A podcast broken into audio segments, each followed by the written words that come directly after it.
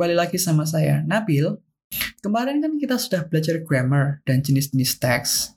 Nah, untuk episode ini, kita lihat sejenak.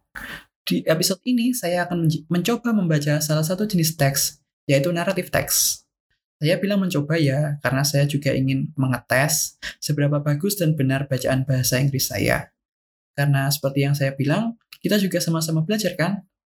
Baiklah, teks yang akan saya bacakan adalah children short story yang berjudul The Lion and the Mouse. Okay, here we go. A lion was once sleeping in the jungle when a mouse started running up and down his body just for fun. This disturbed the lion's sleep, and he woke up quite angry.